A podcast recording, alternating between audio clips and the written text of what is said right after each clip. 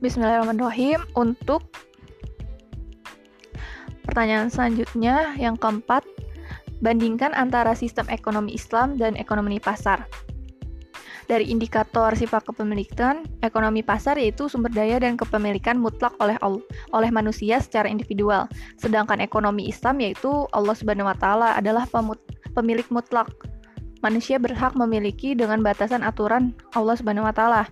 Dari indikator hak pemanfaatan, ekonomi pasar yaitu manusia bebas memanfaatkannya, sedangkan ekonomi Islam pemanfaatan oleh manusia mengikuti ketentuan Allah Subhanahu wa taala.